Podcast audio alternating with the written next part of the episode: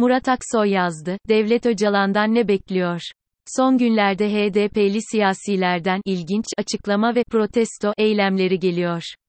Bu açıklama ve protestoların odağında, İmralı'da tutuklu bulunan Öcalan var, Kürt sorununun çözümü konusunda yeniden Öcalan'a adres göstermek, Öcalan'a uygulanan tecrit politikalarını protesto etme eylemleri peş peşe gelince, ne oluyor, diye sormadan edemiyor. Nitekim önümüzdeki günlerde Öcalan'a uygulanan tecridin kalkacağını Abdülkadir Selvi köşesinde yazdı. Şuradan başlayalım, Öcalan, devletin gözetim ve denetiminde bir tutuklu. Öcalan'a yönelik keyfi bir tecrit, avukat ve aile, uygulansa da, devlet ve hükümetin ilgilileri kendisiyle iletişimi hiçbir zaman kesmedi.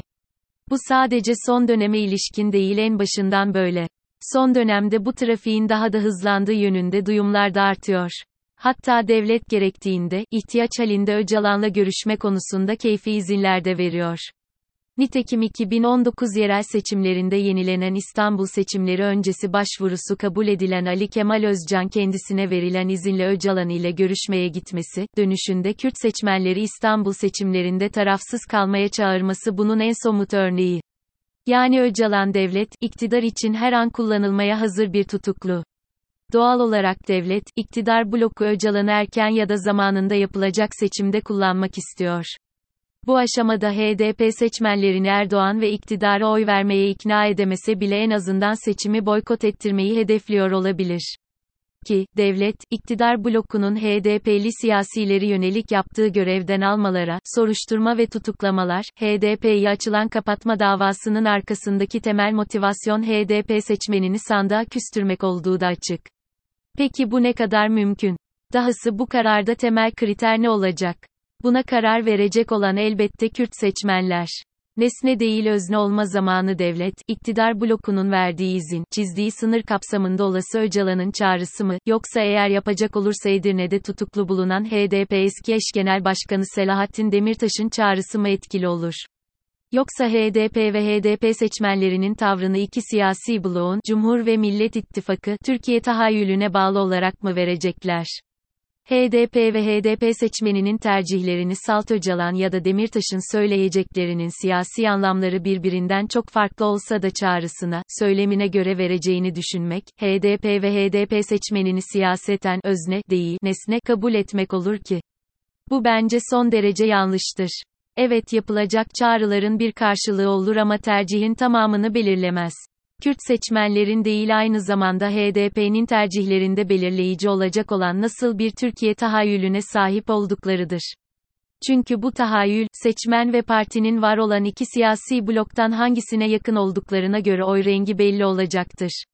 Bu açıdan bakılması gereken iki bloğun nasıl bir Türkiye tahayyül ettikleridir. Halen iktidarlarda olan Cumhur İttifakı esas olarak ideolojik temelinin atıldığı 2015'den burana bir anti-Kürt blok görüntüsü vermektedir.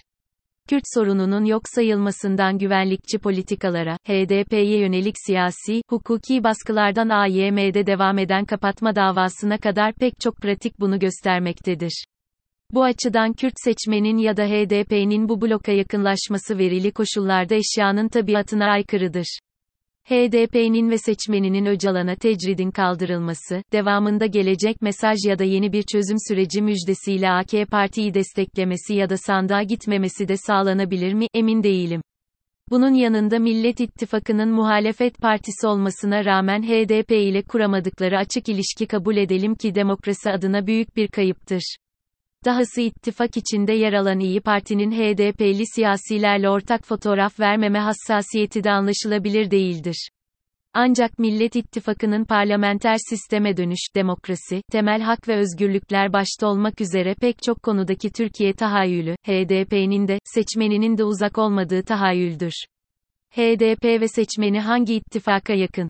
Bu açıdan HDP ve seçmeni Cumhur İttifakı'na değil Millet İttifakı'na siyaseten daha yakındır. Nokta. Sonuçta Cumhur İttifakı'nın da, iktidar olan AK Parti ve Erdoğan'ın siyaset yapma tarzı, siyaset anlayışı değişmediği sürece demokrasinin ve siyasetin alanı genişlemeyeceği için Kürt sorununun çözülmesi başta olmak üzere eşit vatandaşlık da, temel hak ve özgürlükler gibi Kürt seçmeni, Kürt siyasetçileri yakından ilgilendiren hiçbir sorunun çözülmesi imkan dahilinde değildir. Öcalan'a yönelik tecridin kaldırılacak olması ve akabinde vereceği mesajlar ki devletin hedeflediği sandığa gitmeyin mesajıdır da bu gerçeği değiştirmeyecektir. Ancak HDP'li milletvekillerinin birden kabaran Öcalan hassasiyetlerini verili koşullarda normal bir siyasal adım olmadığı, hemen ardından tecridin kaldırılma olasılığının belirmesi itiraf edelim ki çok masum değildir. Mutfakta bir şeyler pişiyor ama bunun Kürtlerinde, Türkiye'nin de hayrına olmadığı gelen kokulardan belli oluyor. Seçim süreci yaklaştıkça HDP ve Kürt seçmen, seçimi kazanmak isteyen taraflar için kritik hale geliyor.